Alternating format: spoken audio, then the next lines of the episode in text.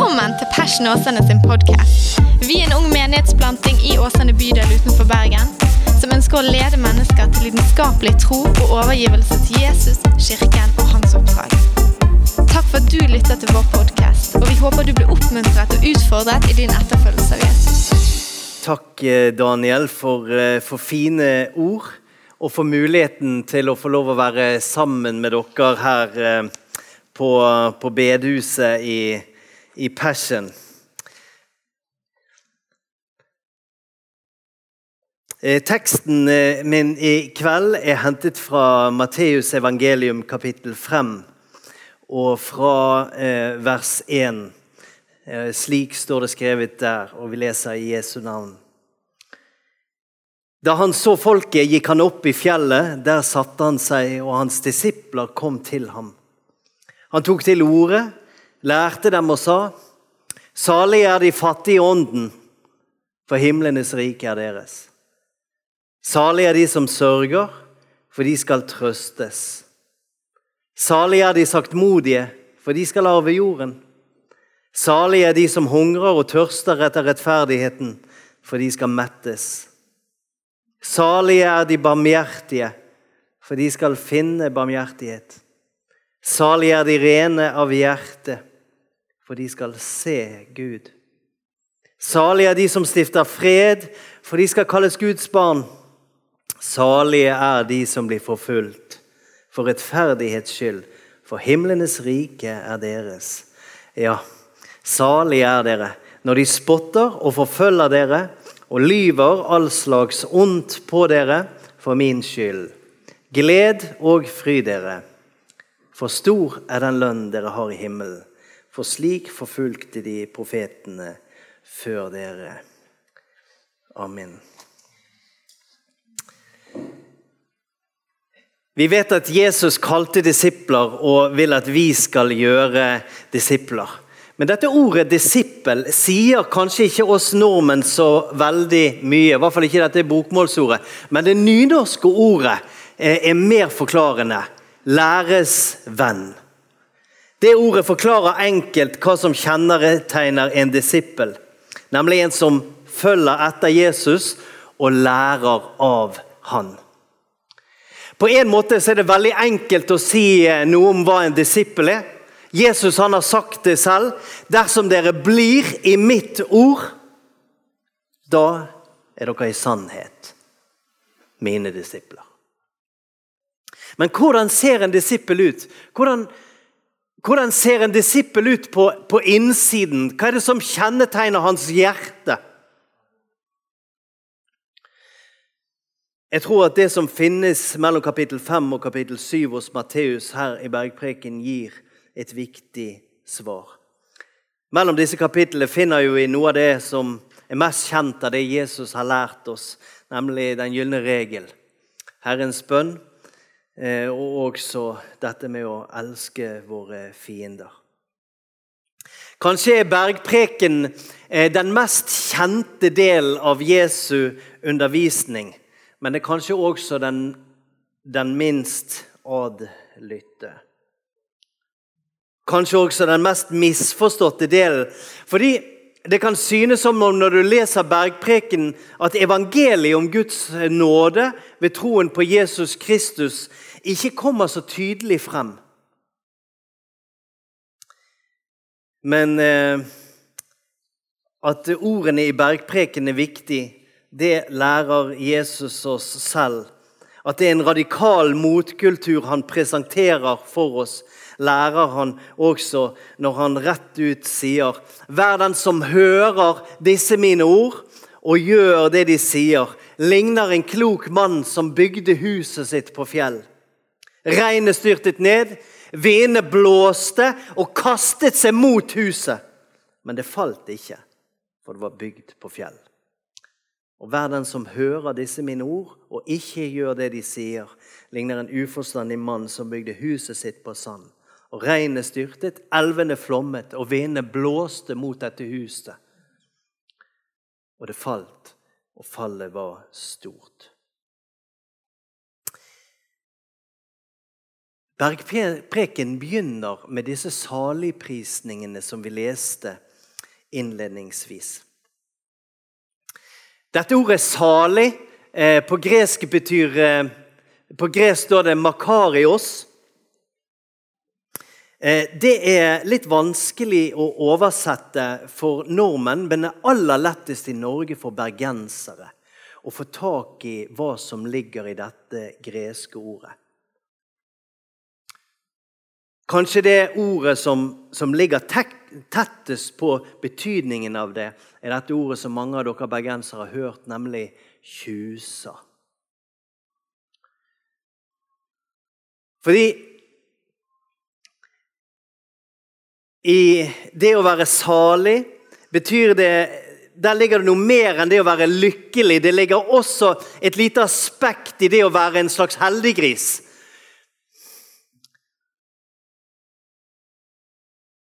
Tjusa. Og hvem vil ikke være det? Så her, hvis du vil være en radikal etterfølger av Jesus, hvis du vil være en disippel av han, hvis du vil vite hva det er som kjennetegner hjertet til den som virkelig søker å følge etter Jesus Kristus, så her har du det i bergprekenen og ikke minst i saligprisningene. Legg merke til eh, det som vi leste. Åtte forskjellige, egentlig innvortes kjennetrekk, karaktertrekk, hvor noen av dem har en veldig praktisk ytterside. Legg merke til den spesielle velsignelsen som de er lovet å motta. Og legg merke til fellestrekket for alle. Salige eh, er de. Det står at da disiplene hadde samlet seg rundt Jesus, så satte han seg, og han lærte dem. Eh, jeg skjønner det at pastoren her ofte av og til sitter når han preker. Det er veldig bibelsk. Jeg er ikke kommet helt dit eh, ennå, ikke blitt så vant til det. Men det var det rabbinere gjorde når den formelle undervisningen fra Skriftene begynte. Da satte de seg og lærte folket. Og Det første Jesus sier, det er 'salige de fattige i ånden, for himlenes rike er deres'. Men venn, det er motkultur. Hvem vil vel være fattig? Men 'less is more', sier Jesus. Nå skal vi eh, skynde oss å si at ikke på noe sted i Bibelen synes det som om fattigdom på en måte er et ideal i seg selv. Men vår erfaring i verden, i møte med tro og evangeliet, synes å vise oss at fattigdom kan gjøre det mer avhengig av Gud. Og rikdom, i alle fall materiell rikdom, gjøre det mer uavhengig av Gud. Det ser vi i verden i dag. Evangeliet går frem spesielt på de steder der mennesker har lite trenger Gud og klynger seg til ham. Men den fattigdommen som Herren Jesus taler om her, er en indre fattigdom. Fattigdommen i ånden. Hva er det? Jo, det å være tom i seg selv. Fattig i seg selv. Herren Jesus sier hvis du har det sånn, tjus deg. Himlenes rike er deres. Mine venner, er, jeg har møtt mange rike mennesker, rike på mye av sånt, men de har veldig lite eh, på innsiden. De er fattige på innsiden, fattige på åndsliv, fattige på livet med Gud. De har mye, men eier egentlig ingenting. Men hvis du er fattig i det selv, da kan du bli rik i Gud, sier Jesus, full av håp. Han kan bli din skatt, han kan fylle din fattigdom. Sannheten er, mine venner, at du vil aldri kunne være en sann etterfølger av Herren Jesus Kristus hvis du ikke har denne fattigdommen i deg selv. For det er bare de som er fattige i seg selv, de som er tom i seg selv, de som vet at de i seg selv har ingenting, det er bare de som kommer til Herren Jesus Kristus, til Hans kors, for å bli frelst. Jeg vet ikke om det finnes noen her i kveld som er blitt så fattig i seg selv og ser dette behovet for å bli frelst og som skjønner at hvis det skal skje, så må du få denne frelsen som en gave fra Gud. Men hvis du fins, lykkelig deg. Heldig gris. Hvis du har hatt det slik i din tid, og fortsatt er det tider med det, denne fattigdommen den er du så bevisst på, tjusa deg. Så heldig du er. Himlenes rike er deres. Den som i seg selv synker lavt, skal en dag fly høyt. Den største rikdommen som fins, er deres. Kristi uransakelige rikdom. Himlenes rike. Og himlenes rike det er ikke bare evangeliet om Jesus og hans frelse, men det er også hans oppstandelseskraft midt i livet her og nå. For Guds rike, sier Skriften, består ikke i ord, men i kraft. Ikke i mat og drikke, men i rettferdighet, i fred og glede i Den hellige ånd. Salig er de fattige ånden, for himlenes rike er deres.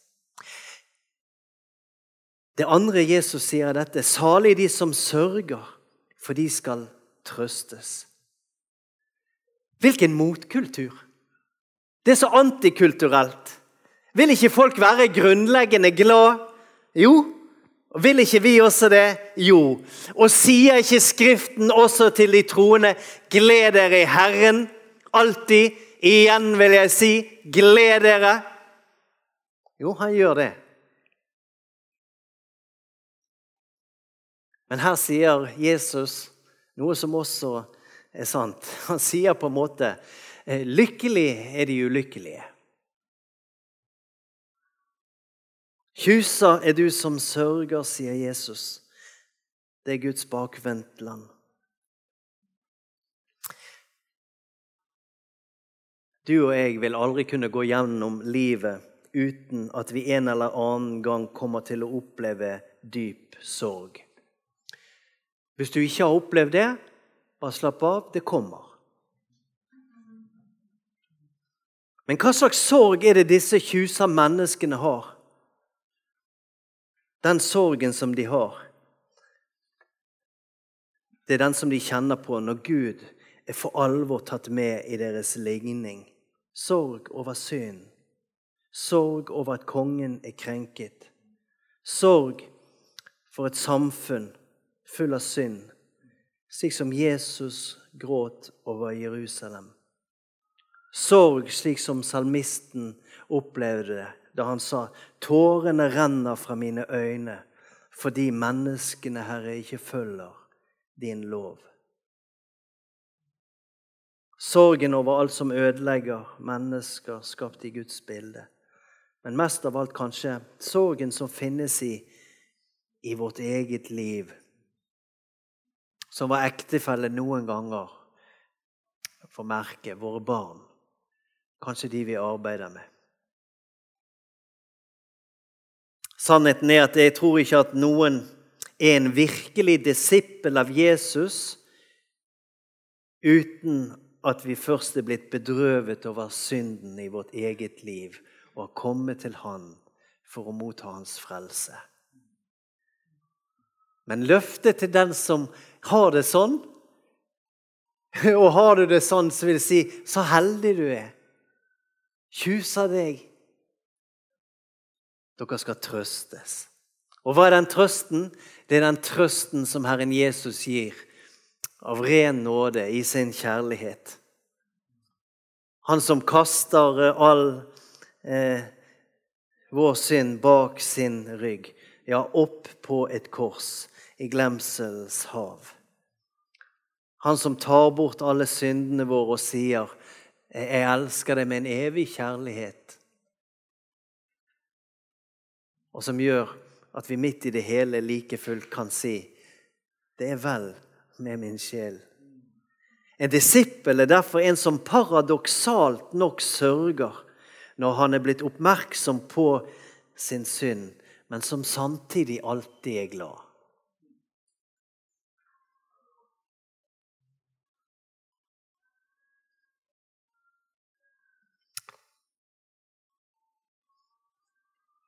Kjus av deg som sørger, sier Jesus. Du skal trøstes. Vet du hva? Når Jesus sier det, så lar han meg Han gir meg en slags trygghet på at jeg kan komme til Han med min synd, med mine nederlag, med det som er vanskelig. Komme til Jesus og få høre fra hans munn. Sønn, din synd er det forlatt. Stå opp og gå i fred. Jeg har gjort allting vel for deg. Det neste Herren Jesus sier, og jeg tror dette handler på dypet om disippelskap, det som kjennetegner disippel, det er dette. Salige de ydmyke, for de skal arve jorden.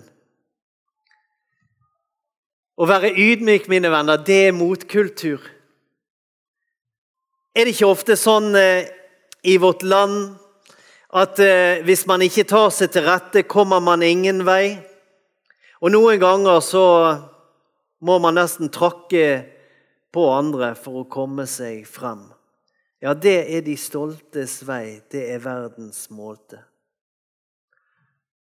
Den som er stolt i sitt hjerte, han tåler lite og sier 'jeg innrømmer ingenting'. De sier 'gi meg det som jeg vil'.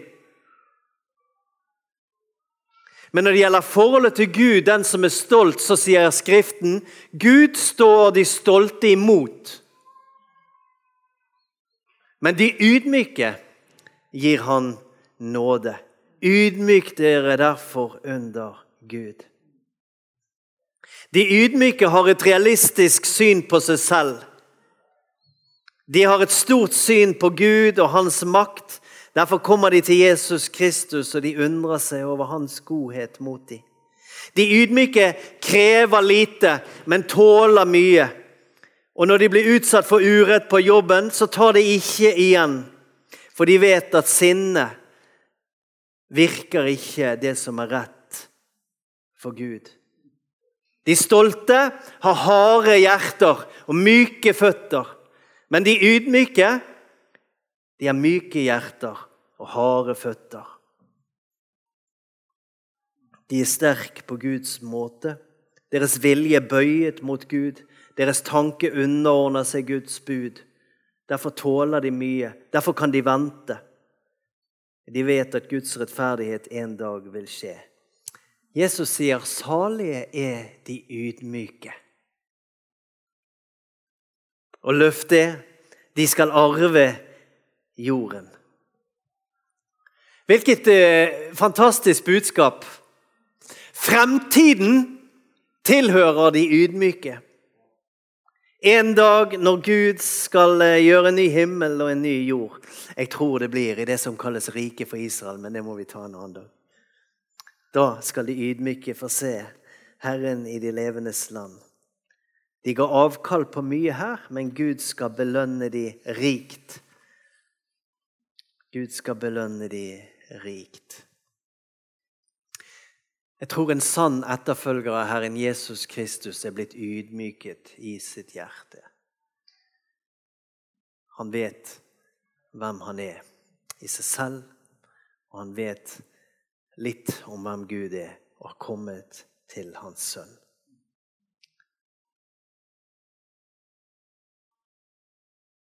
Det er virkelig bare den ydmyke som kommer til Herren Jesus Kristus.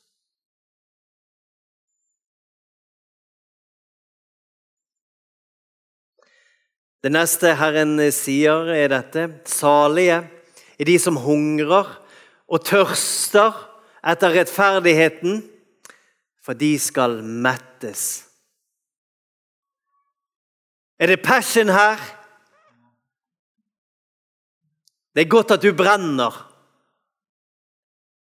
La ingen fortelle deg at du ikke kan brenne for det gode som en disippel. La det være passion. Brenn. Og be om at den ilden som er fra Gud, får bevares i ditt hjerte så lenge du lever. Salige de som hungrer og tørster etter rettferdigheten. Min venn, alt er ennå ikke som det burde være i denne verden. Hele Tertnes burde tilbe Herren Jesus Kristus. Hvert menneske i denne byen burde bøye seg for Gud. Alt annet er uhørt. Det er skandaløst.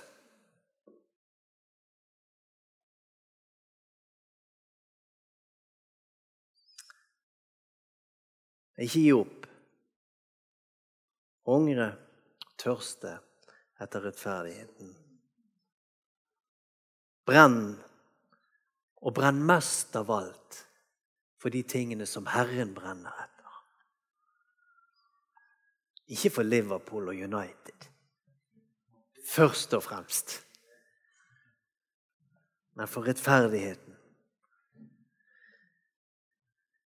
Jeg har lyst til å si til deg som er opptatt av disse tingene, som lengter etter ja, etter rettferdigheten skal skje fylles i ditt nabolag, på din arbeidsplass, i ditt ekteskap, i din kirke, i, i relasjonen til andre mennesker som brenner for dette. Jeg har lyst til å si til deg vit at du har Gud med på laget når du brenner for de ting som handler om Guds rettferdighet. Rettferdigheten har dypest sett med det som har med Guds ære å gjøre. Guds rettferdighet er tre ting som er forskjellige, men som likevel aldri må helt skilles fra hverandre. For det første, rettferdigheten er å få et personlig og rett forhold til Gud selv. Har du hatt en lengsel i ditt liv etter å få et rett forhold til Gud? Salig er du som hungrer og tørster etter sånt. Du skal, du skal mettes. Guds rettferdighet er også noe dypt moralsk. Det er et spørsmål om å gjøre Guds vilje. Det er et spørsmål om hva slags karakter du søker å ha. Har du hatt en sånn lengsel etter å være et, en oppreist mann? Etter å være en hel kvinne? Velsigne deg i din hunger og din tørst. Du skal mettes. Gud skal møte deg, og han skal bygge deg. Guds rettferdighet er sosial. De utslåtte og underprivilegerte må bli løftet opp, for de fattiges sak er Guds sak. Har du hatt denne personen for de underprivilegerte i byen vår? Eller i Afrika? Hva vet jeg? Gud velsigne deg for den personen. Måtte den alltid brenne. Du er på hans lag. Det skal lykkes. Salige er de som hungrer og tørster etter rettferdighet. De skal mettes. Jomfru Maria profeterte, og hennes ord gir gjenlyd i våre hjerter. Hun sendte, Han sendte de rike tomhendte bort. Sånn gjør Gud alltid. Han står de stolte imot. Han sender de tomhendt bort. Men de sultne metter ham med gode gaver.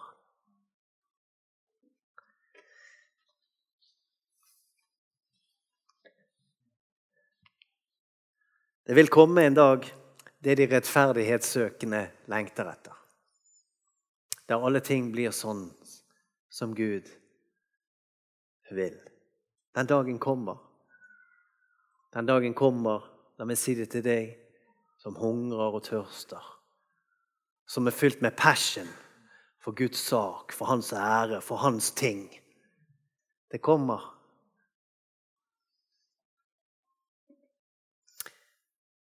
Jesus sier videre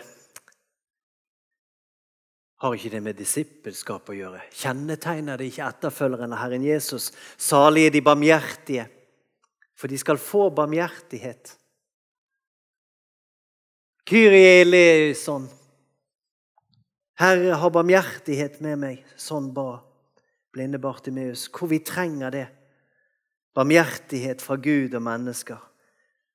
Det er kanskje ikke så motkulturelt i teorien, men sannheten er i verden er vi ofte ganske hard med hverandre. Da Guds dom kom over Davids liv for noe han hadde gjort som ikke behaget Herren, så sier han, da han fikk tre valg om hvordan dommen skulle komme, så sier David jeg vil heller falle i Guds hånd, for hans barmhjertighet er stor men i menneskers hånd vil jeg ikke falle.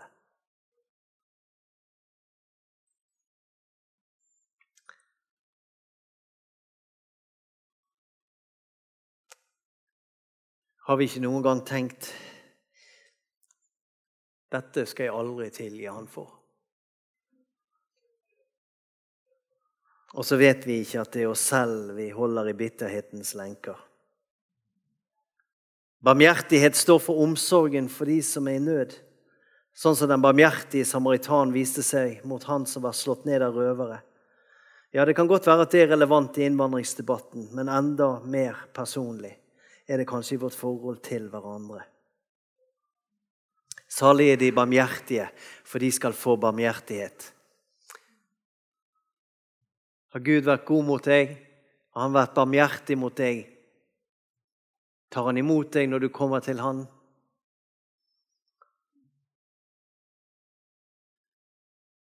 Hvordan er det når andre kommer til deg?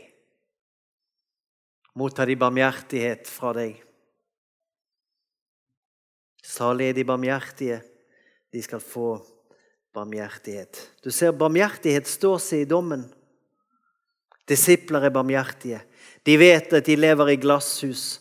Derfor tenker de seg godt om før de kaster stein. Jesus fortsetter, og han sier, 'Salige er de rene av hjerte, for de skal se Gud'. Hør.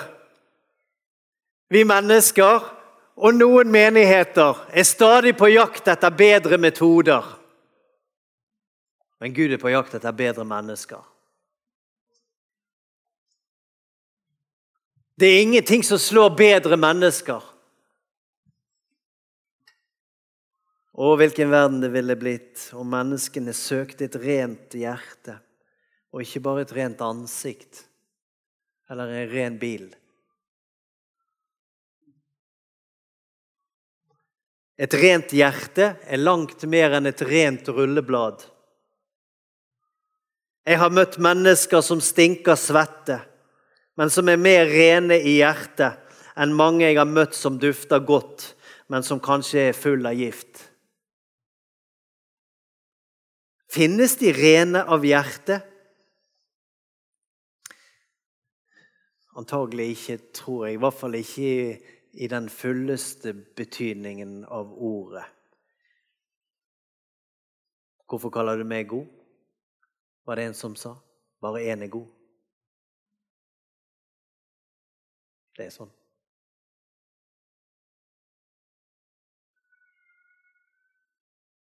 Men det, det, finnes mennesker som har forstått at livet med Jesus er en innvendig sak, og som vet at Gud er mest forherlighet når vi er mest tilfreds i ham.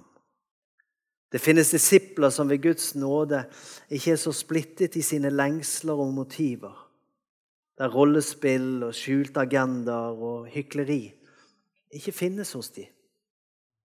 De lever også når de er alene, som om Gud så de alene og var deres publikum. De er enkle og nesten som små barn i sin oppriktighet. Det du ser, er det du får, og det er ikke så veldig mye mer.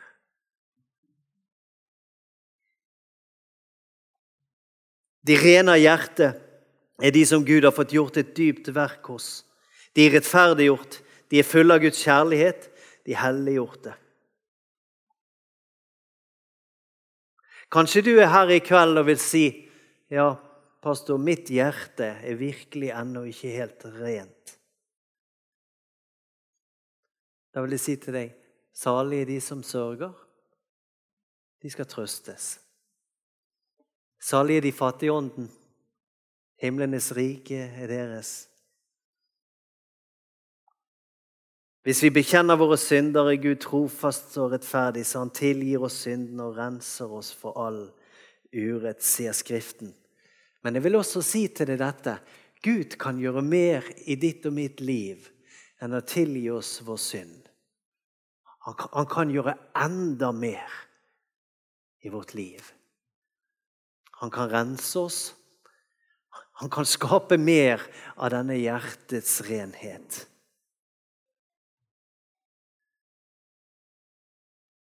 Han kan forme oss så det blir sant når vi synger.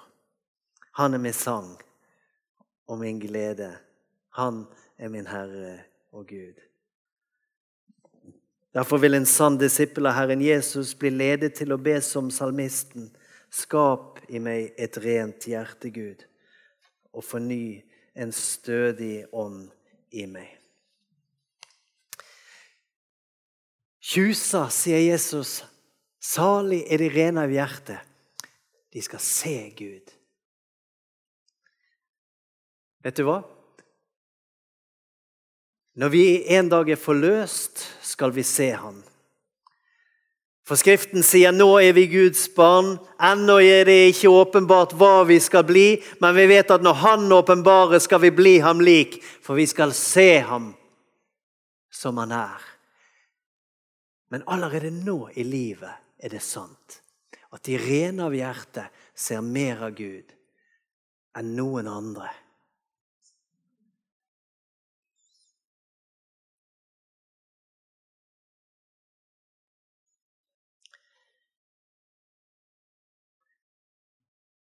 Jesus fortsetter og sier salige er de som skaper fred, for de skal kalles Guds barn. Er ikke evangeliet praktisk? Ingen, ingen, kan anklage, ingen kan anklage Jesus for ikke være livsrelevant. Salige er de som skaper fred, for de skal kalles Guds barn. Å være en disippel er å leve midt i denne verden, i et menneskelig fellesskap. Å, hvor denne verden behøver fredsstiftere. Men hvor vanskelig det er. Vi mennesker kommer til månen men det er så vanskelig å skape fred og forsoning mellom oss. Men det finnes de som gir mennesker det som de selv har fått av Gud fred. De er ikke kilden til unødvendig konflikt for deres egne ambisjoners skyld. De har hørt apostels ord, strev etter helliggjørelse og etter fred med alle. Salige er de som stifter fred. Så heldig du er som har det sånn, som har denne lengsel. Når du søker fred med mennesker, gjør du som Gud. For Gud er fredens Gud. Han stiftet fred med oss på korset gjennom Jesu Kristi blod. Ja, Skriften sier om Jesus han er vår fred. Men husk det at fredsstifting, det å stifte fred, det kan koste. Tilgivelse kan koste. Å gi fred og virkelig tilgi er meget kostbart. Og mest av alt så koster det kanskje stolten, stoltheten vår eh, mye. Men når du gjør det i kirken, på arbeid, på skolen og hjemme, da er du en disippel.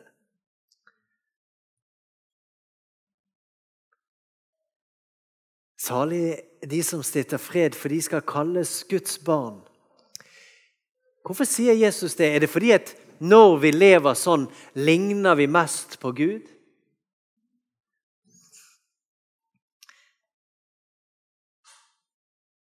Det er iallfall et kjennetegn på en sann eh, disippel.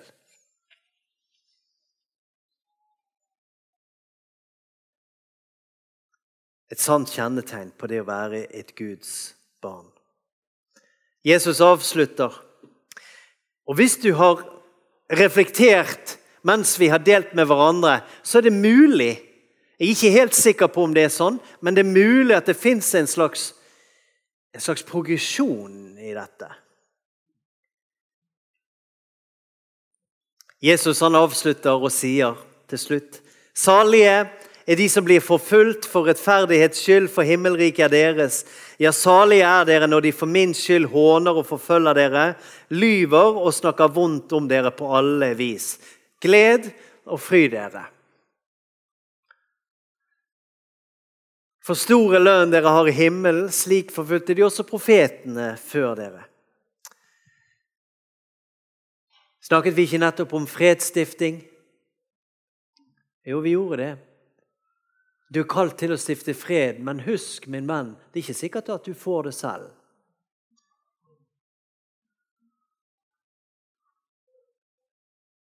Du ser disippelskapet mot kultur. Det å leve ut evangeliet. 'Jeg er ikke kommet for å bringe fred', sa Jesus. Ikke fred, men sverd.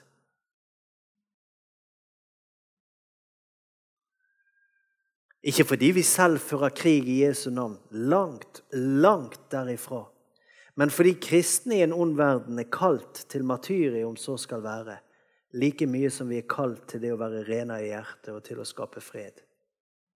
Vi er kalt til martyriet ikke ved å sprenge bomber og ødelegge liv i Guds navn, men ved å ta korset opp og følge etter Jesus og dyrke Israels Gud. Og en disippel blir som sin mester. Har de forfulgt meg, sier Herren Jesus, vil de forfølge dere. Og han sa til og med dette ved dere når alle mennesker taler vel om dere.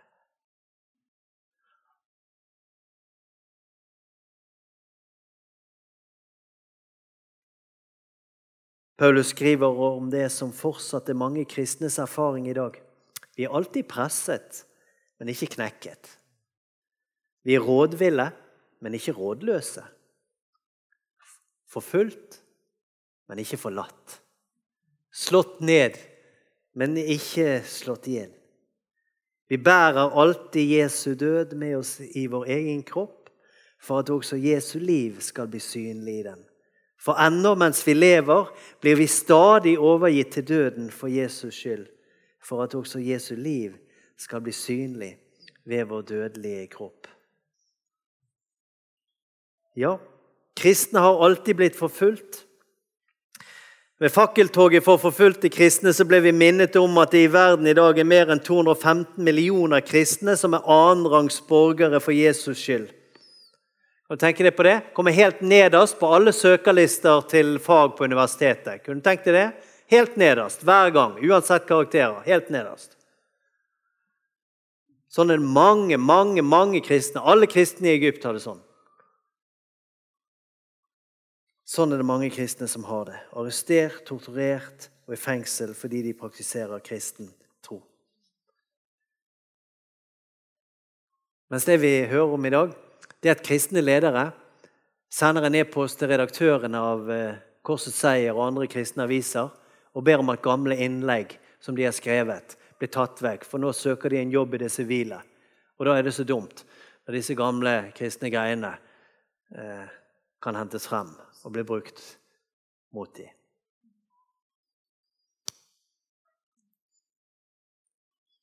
Salige er de barmhjertige, så vi skal være barmhjertige. Vi Skal ikke slå andre for det. skal vi slett ikke gjøre. Men mine venner, en disippel er et lys i verden.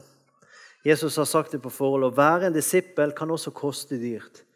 Det innebærer også det å ha del i Kristi lidelser.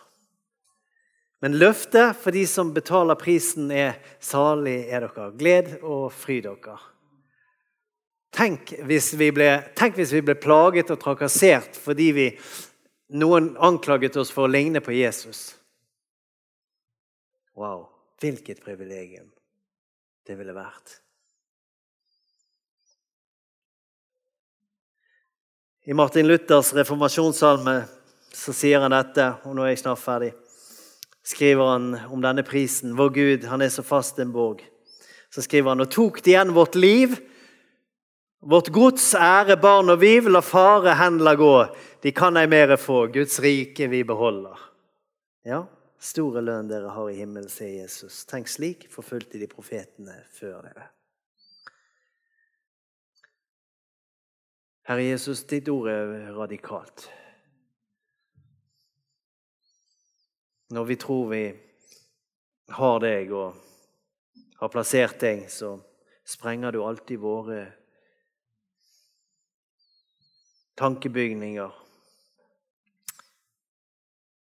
Jesus, vi, vi ber at du, at du skaper i våre liv en hellig sorg over synd i oss. En egen fattigdom i vårt liv. Herre, vi ber at du ved din ånd rører ved oss så vi kan være barmhjertige. Herre, at du skaper en lengsel i oss eh, til å virke for eh, din rettferdighet og alt som har med det å gjøre. At du gir oss denne dype lengsel etter å ligne deg. Ja, få et rent hjerte. Herre, takk for, eh, takk for ditt ord. Takk for ditt kall. Takk for at du tar imot oss slik som vi er. Virk i våre liv, Herre Jesus. La oss få følge etter deg, leve i din nåde og være til velsignelse på hvert sted der som vi går frem. Det ber vi om i Jesu Kristi navn. Hellig oss i sannheten. Ditt ord er sannhet. Amen. Takk for at du lyttet til Passion Åsane sin podkast. Hvis budskapet inspirerte deg, del det gjerne videre, slik at enda flere kan bli styrket av Guds ord. Gud har en plan for ditt liv. Følg Jesus lidenskapelig og bety en forskjell for mennesker i din verden.